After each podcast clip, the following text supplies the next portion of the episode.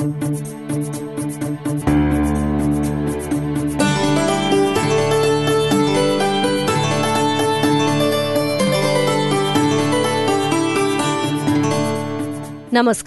Radio कार्यक्रम साझा पहलमा तपाईँलाई हार्दिक स्वागत छ। म सुशीला श्रेष्ठ। अनि म अविनाश आचार्य। कार्यक्रम साझा पहल महिला लैङ्गिक अल्पसंख्यक अपाङ्गता भएका व्यक्ति र सीमान्तकृत समुदायमा सूचनाको पहुँच पुर्याउने उद्देश्यले तयार पारिएको कार्यक्रम हो। अहिले कोभिड उन्नाइस नियन्त्रणमा आएको जस्तो देखिएको छ तर यसले महिला तथा सीमान्तकृत वर्गमा आर्थिक सामाजिक तथा मानसिक रूपमा गहिरो प्रभाव छोडेर गएको छ। कार्यक्रममा हामी कोभिड उन्नाइसको प्रभाव लैङ्गिक समानता र सामाजिक समावेशीकरण जेसीको बारेमा छलफल गर्नेछौँ। लैङ्गिक समानता र सामाजिक समावेशीकरण दृष्टिकोण भन्नाले हामी यस कार्यक्रममा महिला सीमान्तकृत वर्ग बालबालिका ज्येष्ठ नागरिक अपाङ्गता भएका व्यक्ति एकल महिला लैङ्गिक अल्पसङ्ख्यक विभिन्न प्रकारका हिंसाबाट प्रभावित भएका महिला तथा किशोरी दीर्घरोगी गर्भवती तथा सुत्केरीका सवालहरूलाई प्राथमिकता दिनेछौँ। सँगै लैङ्गिक हिंसा तथा जातीय विभेद मानव बेचबिखनबाट प्रभावित भएका व्यक्तिहरू सामाजिक आर्थिक तथा नागरिक अधिकारबाट वञ्चित भएका व्यक्तिहरूको भोगाई उनीहरूका अपेक्षा पुनरुत्थानका लागि सरकारवालाले के गर्न सक्छन्? विज्ञ संघको परामर्श साथै सरकारका योजना लक्षित वर्गको पहुँच र कार्यान्वयनको अवस्थाबारे खोजी गर्नेछौ। साथै कोभिडबारे फैलिएका अफवाहहरू भ्रम र गलत जानकारीलाई सम्बोधन गर्दै वास्तविक विज्ञ संघको सवाल जवाफ पनि प्रस्तुत गर्नेछौँ र सबैको पहुँचमा आवश्यक सूचना पुर्याउने प्रयत्न गर्नेछौँ। युएन ओमनको सहयोगमा ल्याक नेपाल र अकोराबको साझेदारीमा उत्पादन गरिएको कार्यक्रम साझा पहल सिआइएन मार्फत सामुदायिक रेडियोबाट देशैभरि सिआइएन खबर डट कम र मोबाइल एप सिआइएनमा पनि चाहेको बेला तपाईँ विश्वभरि नै सुन्न सक्नुहुन्छ। साथै सिआइएनको फेसबुक पेजमा गएर साङ्केतिक भाषामा हेर्न पनि सक्नुहुनेछ।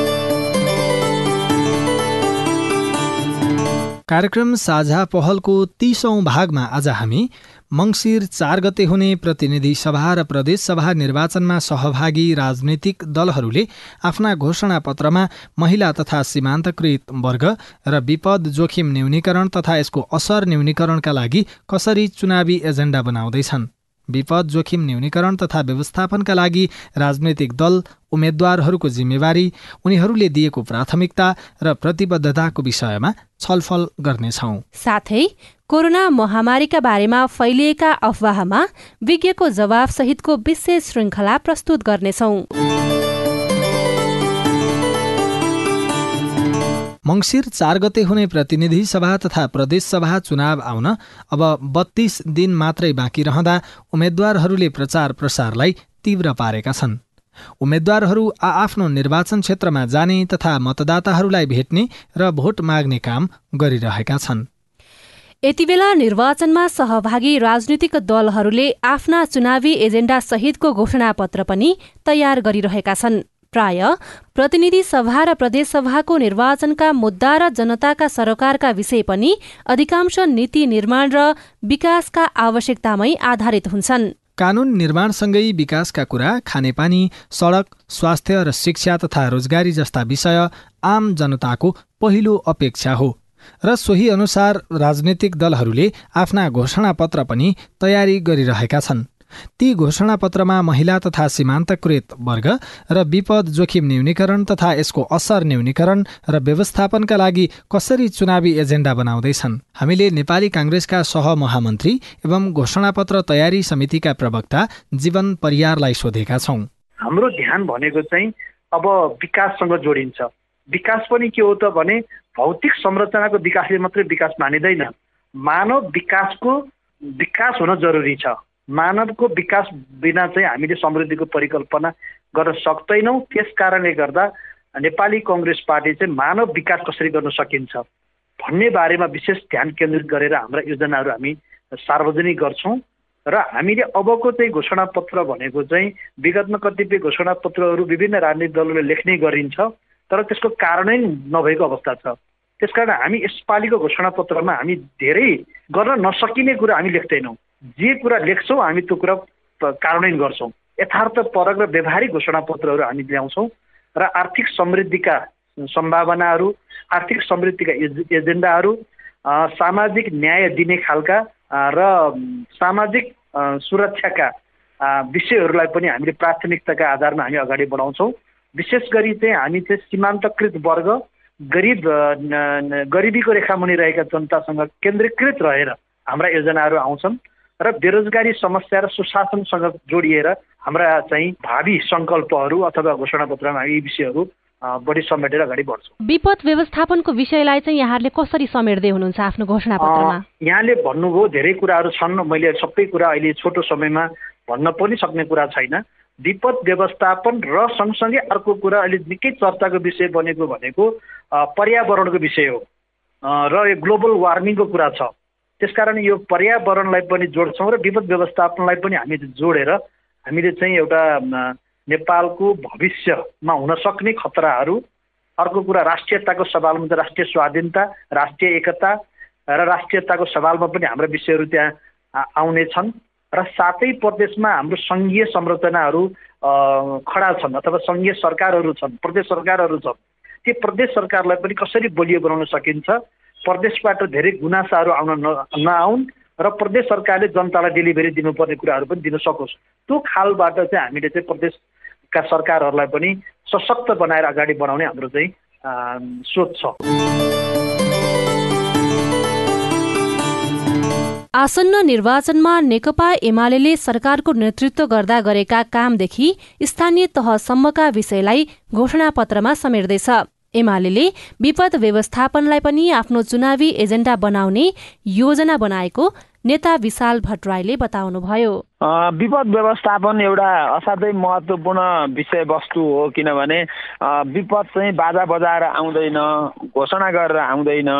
विपदले हामी हरेक वर्ष हामी कहाँ चाहिँ ठुलो सङ्ख्या सङ्ख्यामा जनधनको क्षति गर्दै आएको छ। ठुलो मात्रामा प्राकृतिक विपत्तिले प्रकृतिका पुराना संरचनाहरूमाथि चाहिँ चुनौती खडा गर्ने गरेको छ। त्यस कारणले विपद व्यवस्थापनमा पनि हाम्रो एउटा चाहिँ स्ट्रङ तयारी हुन्छ। हामीले अघिल्लो संविधान सभा अर्थात् रूपान्तरित व्यवस्थापिका संसदको अन्तिम दिन अन्तिम दिन हामीले विपद व्यवस्थापनसँग सम्बन्धित ऐनलाई पास गरेका थियौँ। र त्यो ऐनमा हामीले चाहिँ प्राधिकरण निर्माण गर्ने कन्सेप्ट ल्याएका थियौँ। त्यो प्राधिकरण निर्माण पनि भइसकेको छ।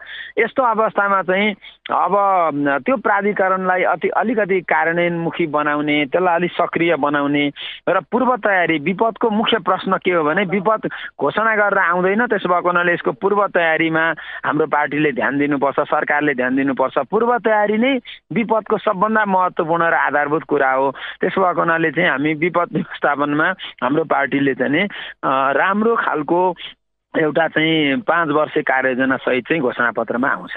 विपदमा पनि सीमान्तकृत समुदाय महिला अपाङ्गता भएका व्यक्तिहरू अझ बढी प्रभावित हुन्छन् भन्छन् होइन?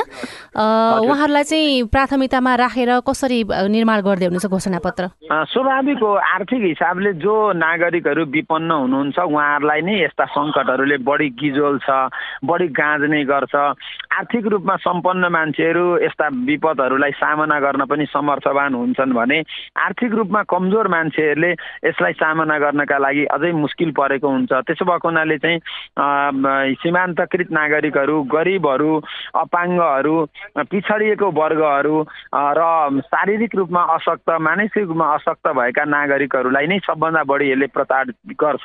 त्यस कारणले हामीले उहाँहरूलाई लक्षित गरेर उहाँहरूको राहतको लागि चाहिँ विशेष खालको कार्यक्रम चाहिँ हामी ल्याउँछौँ। एकीकृत समाजवादी पार्टीले पनि आगामी निर्वाचनमा महिला तथा सीमान्तकृत वर्ग र विपद जोखिम न्यूनीकरण तथा यसको असर न्यूनीकरणका लागि कसरी घोषणापत्रमा समावेश गर्दैछ त? नेता जगन्नाथ खतिवडासँग हामीले सोधेका छौँ। विपद व्यवस्थापनको नीति बनाउने हाम्रो प्रमुख कुरा हो। त्यसमध्ये हामीले विपदभन्दा अगाडिकै पूर्व सूचनाहरू सङ्कलन गर्ने कुरामा पनि ध्यान दिनुपर्छ। विपदलाई तत्कालीन उद्धार गर्ने कुरामा पनि ध्यान दिनुपर्छ पुनस्थापनालाई पनि ध्यान दिनुपर्छ र भविष्यमा विपदग्रस्त हुने जोखिमयुक्त क्षेत्रहरूलाई कसरी त्यसबाट बचाउन सकिन्छ भनेर दीर्घकालीन योजना पनि बनाउनुपर्छ भनेर हाम्रो विपद सम्बन्धी विषयमा हाम्रो घोषणापत्रमा हामी समावेश गरेका छौँ। विपदले अलिक बढी सीमान्तकृत समुदाय महिलाहरू चाहिँ अलिक बढी प्रभावित हुने हुँदाखेरि उनीहरूलाई चाहिँ प्राथमिकतामा कतिको राख्नु भएको छ यहाँले घोषणापत्रमा? सीमान्तकृत समुदाय भन्नाले पनि हरेक नागरिकहरूलाई उत्तिकै महत्त्व दिनुपर्छ विपदमा किन विपदले राजनीति गर्दैन तर समाजमा पछाडि परेको वर्ग यसबाट सबभन्दा बढी अप्ठ्यारोमा पर्छन् गरिब वर्ग अप्ठ्यारोमा पर्छन् सीमान्तकृतहरू पनि अप्ठ्यारोमा पर्छन्। त्यस कारण चाहिँ अप्ठ्यारोमा पर्नेले मानवीय कुरा भएको हुनाले पछाडि परेको क्षेत्रलाई निश्चय नै उच्च प्राथमिकता दिनुपर्छ। तर नीतिमा त्यसरी उल्लेख गर्दाखेरि के होला? विपद जसलाई पनि पर्छ भन्ने विषयमा हामी गम्भीर छौँ। घोषणापत्रमा उल्लेख गर्ने तर कार्यान्वयन भने नहुने यसअघिको घोषणापत्रका कतिपय विषयहरू अझै पनि बाँकी छन्। यहाँहरूले चाहिँ कार्यान्वयनमा कतिको जोड दिने गरी घोषणापत्र तयार गर्नुभएको छ त? हाम्रो देशको मुख्य समस्या नै घोषणापत्र अनुसार राजनीतिक दलहरूले सरकार नचलाउने आजको मुख्य समस्या। त्यो समस्या आज पनि विद्यमान छ। अब एकीकृत समाजवादीले चाहिँ के गर्छ भन्ने हो नि त? नेपाली कङ्ग्रेस माओवादी केन्द्र एकीकृत समाजवादीका अलग अलग घोषणापत्रहरू पनि सार्वजनिक हुनेछन्। तर सरकार सञ्चालन गर्ने बेलामा उच्च महत्त्वका साथ बनाइएका नीति तथा कार्यक्रमहरूलाई घोषणापत्रको अथवा काम गर्ने कुराको आधार बनाइनेछ। त्यसलाई आधार मानेर हिँड्नुपर्ने छ। त्यो कुरामा विपद व्यवस्थापनको विषयलाई उच्च महत्त्वका साथ हेरिनेछ सीमान्तकृत समुदायलाई चाहिँ कसरी यहाँहरूले आफ्ना घोषणापत्रमा समावेश गरिरहनु भएको छ तपाईँले पनि यो कुरालाई जोड गर्नुभएको छ। सीमान्तकृत लोकोन्मुख र कम सङ्ख्या हुँदै गएका जाति भाषा धर्म संस्कृतिहरूको लागि विशेष नीति बनाउनुपर्छ भन्ने कुरा हाम्रो नीतिमा समावेश हुनेछ। आफ्नो घोषणापत्र अनुसार नै सरकारमा गइसकेपछि राजनीतिक दलहरूले आफ्ना नीति तर्जुमा गर्ने हुन् त्यही अनुसारका कार्यक्रमहरू तय गर्ने हुन्। यहाँहरूले विपद व्यवस्थापन र जोखिम न्यूनीकरणका लागि चाहिँ ठ्याक्कै के गर्ने रणनीति अपनाउँदै हुनुहुन्छ त आफ्नो घोषणापत्रमा? ए ठोस त अहिले के हुन्छ र? हामी अब सरकार होइन सरकारले ठोस योजना बनाउने हो। सरकारको विभिन्न निकायहरूले गृह कार्य गर्नेछन्। त्यो बेलामा हामीले दिने इनपुट बढी महत्त्वपूर्ण हुनसक्छ। जनताको तर्फबाट। त्यस कारण अहिले कार्ययोजनाको कुरा हुँदैन अहिले नीतिको कुरा हुन्छ। यसै पनि सरकारले पहिले पनि कतिपय नीतिहरू बनाइरहेको छ कार्यान्वयनमा समस्या परेका छन्। त्यसलाई पनि पुनः समीक्षा गर्नु त जरुरी छ। तपाईँ यति बेला रेडियो कार्यक्रम साझा पहल सामुदायिक सूचना नेटवर्क सिआइएन मार्फत देशभरका विभिन्न सामुदायिक रेडियो मोबाइल एप सिआइएन र सिआइएन खबर डट कम मार्फत सुन्दै हुनुहुन्छ। तपाईँलाई पनि विपदका बेला आफूले भोगेका समस्याहरू सुनाउन मन छ? या सरकारसँग आफ्नो अपेक्षा प्रश्न गुनासो वा जिज्ञासाहरू छन्? छन् भने हाम्रो फोन नम्बर शून्य एक बाहन्न साठी छ चार छमा फोन गरेर आफ्नो कुरा राख्न सक्नुहुनेछ।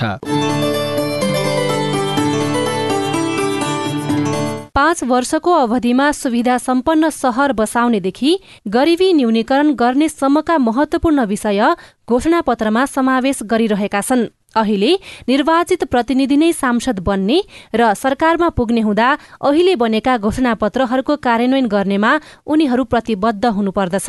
विपद व्यवस्थापनका विषय दलहरूको प्राथमिकतामा नै रहेका बेला मतदाताहरू अथवा विपद प्रभावितहरू भने दलहरूको घोषणापत्रमा कस्तो विषयहरू समावेश भएको हेर्न चाहन्छन्? हामीले रूपन्देही र सर्लाहीका केही नागरिकलाई सोधेका छौँ। नमस्कार म जानकी घिमिरे अरल म मानव अधिकारका लागि महिला एकल महिला लुम्बिनी प्रदेशको अध्यक्ष।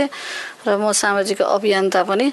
विपदमा भएका मुद्दाहरूको लागि अहिले चाहिँ के गर्नुपर्छ भने उहाँहरूले चाहिँ तथ्याङ्क सङ्कलन गरेर हरेक गाउँ गाउँमा होइन अब पिछाडिएका अल्पसङ्ख्यक जस्तै अपङ्गात भएका व्यक्तिहरू अनि एकल महिलाहरू सीमान्तकृत महिलाहरू विभिन्न त्यस्ता महिलाहरूका मुद्दाहरू कस्तो अवस्थामा बसिरहेका छन् कस्तो खालको छ भनेर उनीहरू तडपिड तडपिराखेको अवस्थामा हामीले लगत सङ्कलन गरेर घर घर दैलो गरेर भनौँ न अब त्यस कसरी सकिन्छ त्यसलाई चाहिँ ल्याउनु पर्छ भन्ने कुरा एउटा मेरो सुझाव होइन।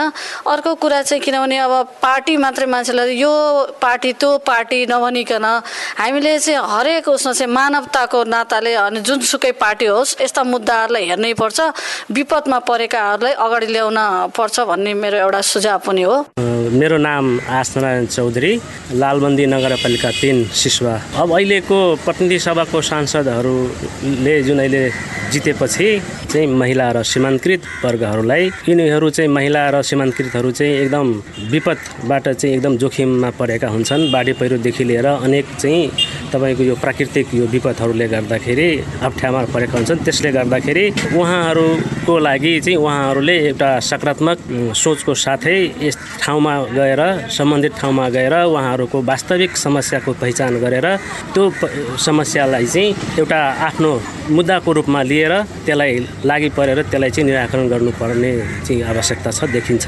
र त्यो उहाँहरूको चाहिँ एउटा ठुलो चुनौती पनि हो र गर्न पनि गर्दाखेरि उहाँहरूको लागि पनि एकदम एउटा फाइदाजनक हुनेछ भन्ने मेरो उसमा लाग्छ। नमस्कार म घनश्याम बलमपाकी मेरो घर भरतफान नगरपालिका वडा नम्बर पाँच। अब आउने सांसदहरूले महिला विपन्न सीमान्तकृत चाहिँहरूलाई त्यस ठाउँमा के कस्ता खालको समस्याहरू छन् के कस्ता समस्याहरू भोगिरहेको छ त्यो चाहिँ उनीहरूले गएर समस्याको पहिचान गर्नु पर्यो। पहिचान भइसकेपछि समाधानको उपायहरू खोजिनु पर्यो। अब यसभन्दा अगाडिका सांसदहरूले चाहिँ केही काम गरेको देखिएन। अब आउने सांसदहरूले चाहिँ अब त्यसमा चाहिँ एकदमै लागेर त्यो समस्या पहिचान गरेर समाधानको उपायहरू खोजिनु पर्यो। हजुर नमस्ते। म राजकुमार नेउपाने। अहिलेको यो यसो चुनावी माहौलमा यो सीमान्तकृत समुदायहरूमा जुन अहिलेका राजनीतिक दलहरूका व्यक्तिहरू त्यति त्यो समुदायभित्र न नगइरहेको अवस्थामा उहाँहरू चाहिँ त्यो त्यस्तो क्षेत्रमा त सीमान्तकृतको ठाउँमा गएर उनीहरूको समस्या बुझिदिने महिलाहरूको समस्या बुझिदिने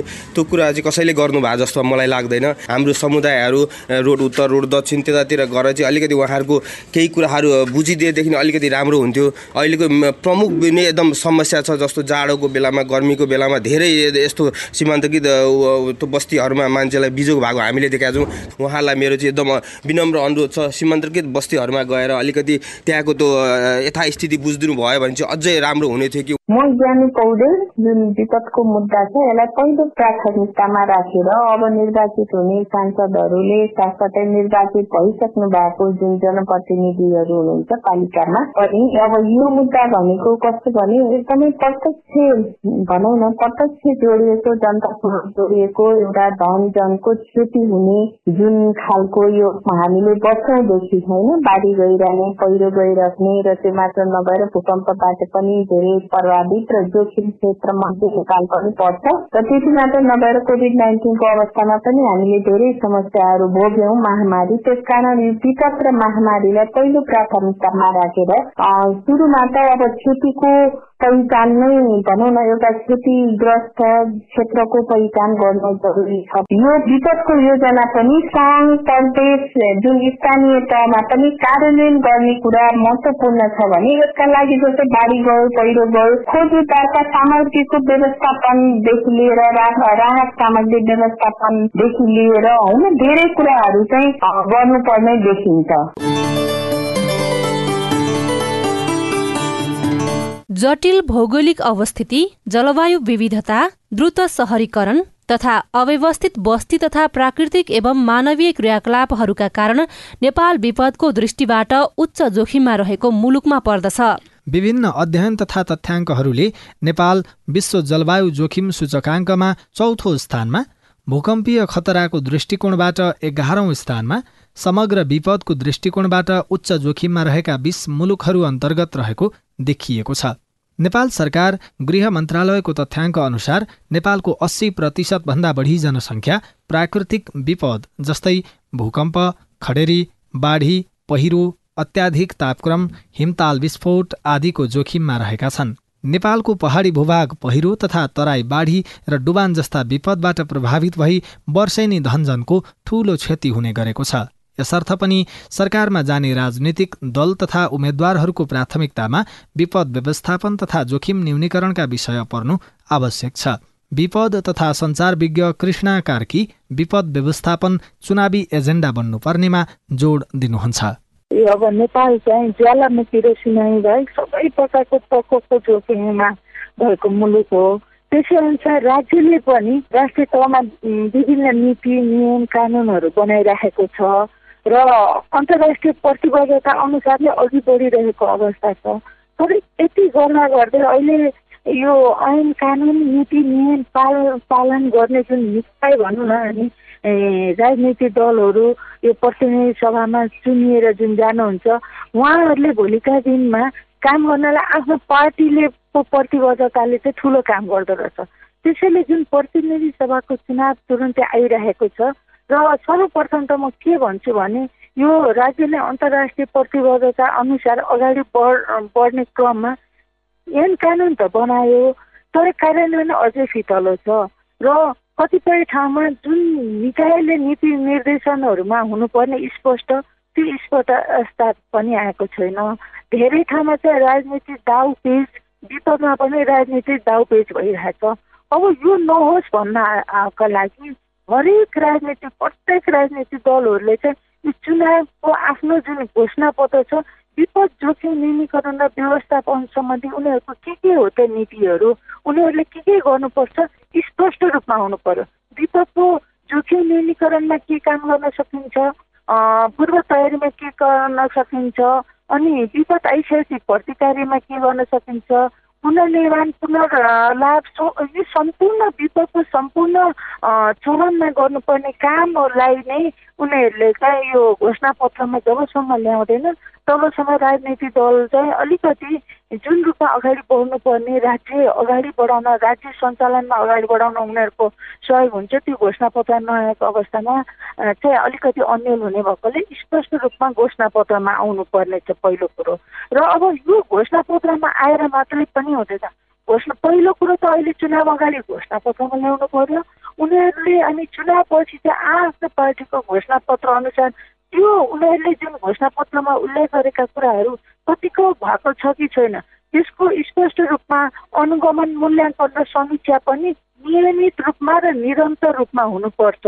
र अहिले कस्तो पनि हामीले देखिरहेछौँ भने राजनीतिक दलहरूले पनि विपद आइसकेपछि राहत राहत बाँड्नेमा चाहिँ एकदम अग्रसर हुने तर जोखिम न्यूनीकरण पूर्व तयारीका पुनर्निर्माणका कामहरूमा चाहिँ अझै पनि उदासीनता छ। त्यसैले अबको चुनावमा म त आफै पनि विपद व्यवस्थापनमा काम गर्ने यसैमा लागि परेको अभियन्ता भएको हुनाले जुन राजनीतिक दलले अस्ति स्थानीय तहको चुनावमा पनि मैले घोषणापत्र सबैको हेरेको थिएँ। जो जसको छ त्यसकोलाई चाहिँ राम्रो छ भनेर फिडब्याक पनि दिएको हो। र जसको छैन त्यो आउनुपर्छ भन्ने दिएको थियो। र अझै पनि त्यतिखेर पनि स्पष्ट रूपमा सबैको आएका थिएनन्। र अब चाहिँ के भन्न सक्छु भने यो राज्यको प्रतिनिधि सभामा प्रतिनिधित्व हुनेहरूको चुनाव भएको हुनाले उनीहरूको आफ्नो राजनैतिक दलको स्पष्ट रूपमा विपद जोखिम न्यूनीकरण र व्यवस्थापनमा उनीहरूको घोषणापत्रमै उल्लेख हुनुपर्छ। यो घोषणापत्रमा भएन भने चाहिँ धेरै चिजमा उनीहरू चाहिँ एकाउन्टेबल जवाबदेही चाहिँ नहुने देखिएको हुनाले उनीहरूलाई यो विपद जोखिम न्यूनीकरण व्यवस्थापन र विशेष गरेर यो उत्थानशील विकास गर्नको लागि उहाँहरूको घोषणापत्रमा चाहिँ विपद जोखिम न्यूनीकरणको कुराहरू आउनुपर्छ। यदि कुनै दलहरूलाई चाहिँ यी कस्तो कुराहरू हामीले राख्नु पर्यो के राख्नु पर्यो भन्यो भने नेपालमा थुप्रै विज्ञहरू छ। उहाँहरूसँग सुझावहरू पनि लिन सक्नुहुन्छ र सबैले चाहिँ एकदमै सहज तरिकाले कुनै खर्च बिना सुझाव दिन सजिलो छ सुझाव दिनुहुन्छ। र अहिले चाहिँ यो चाहिँ एकदमै महत्त्वपूर्ण छ। उहाँहरूले यदि देशको राम्रो विकास गर्ने टिको विकास गर्ने उत्थानशील विकास गर्ने भनेर जनता माझमा पुग्नुहुन्छ भने जनतालाई जोखिमपूर्ण अवस्थाबाट चाहिँ यो उत्थानशील अवस्थामा पुर्याउन पनि म चाहिँ विपद तपाईँहरूको यो जोखिमपूर्ण समुदायलाई यो काम गर्छु भनेर त पुग्नु पऱ्यो नि। त्यो पुग्ने चाहिँ उहाँहरूको घोषणा पत्रमा हुनुपर्छ जस्तो लाग्छ। विपद व्यवस्थापनमा पनि अझ सीमान्तकृत समुदाय महिला अपाङ्गता भएका व्यक्ति यौनिक तथा लैङ्गिक अल्पसङ्ख्यक समुदायहरूलाई चाहिँ अझ बढी प्राथमिकतामा राखेर व्यवस्थापनका नीति बनिनुपर्छ भन्ने कुरा छ। यसलाई चाहिँ राजनीतिक दलहरूले कतिको ख्याल गर्नुपर्ने देखिन्छ? एकदमै राम्रो कुरा। यो चाहिँ अहिले नै पनि हामीले हेरौँ। ऐन विपदको ऐन आएछ ऐन अनुसार चाहिँ विभिन्न नीति के अरे नियावलीहरू आएछन् रणनीतिहरू बनाएका छन् कार्यक्रमहरू बनाएका छन्। अनि अहिले दिएको प्रावधान अनुसार हाम्रो विपद जोखिम न्यूनीकरण तथा व्यवस्थापनको राष्ट्रिय परिषद छ। त्यो परिषदमै अझै पनि समावेशी परिषद छैन। प्रदेश स्तरमा यस्तै परिषद छ। समितिहरू छ ती समितिहरूमा अहिले पनि यो चाहिँ समावेशी छैन। किनभने हामीले ऐन कानुन बनाउने कार्यान्वयन फितलो मैले अघि भनेको थिएँ समावेशितै छैन। कम्तीमा जहाँ चाहिँ निर्णायक तहमा ती जोखिमपूर्ण समुदाय जहाँ चाहिँ महिलाको प्रतिनिधित्व अनि यो अपाङ्गता भएका व्यक्तिहरूको ज्येष्ठ नागरिकलाई सम्बोधन गर्ने व्यक्तिहरू अनि यो हाम्रो यौनिक तथा लैङ्गिक अल्पसङ्ख्यकहरूको प्रतिनिधित्व खै त कहाँ छ कहीँ पनि छैन। हामी सङ्घदेखि लिएर स्थानीय तहसम्म जाँदाखेरि त्यो समावेशी प्रतिनिधित्व भएको छैन र त्यो सबै स्थानीय तहदेखि सङ्घ तहसम्म नि यसलाई अगाडि लाने त राजनीतिक दलले नै छ तपाईँ परिषदको अध्यक्षता कसले गर्छ? प्रधानमन्त्रीले। प्रधानमन्त्री कहाँबाट आउँछ? राजनीतिक दलबाट चुनेर आउँछ।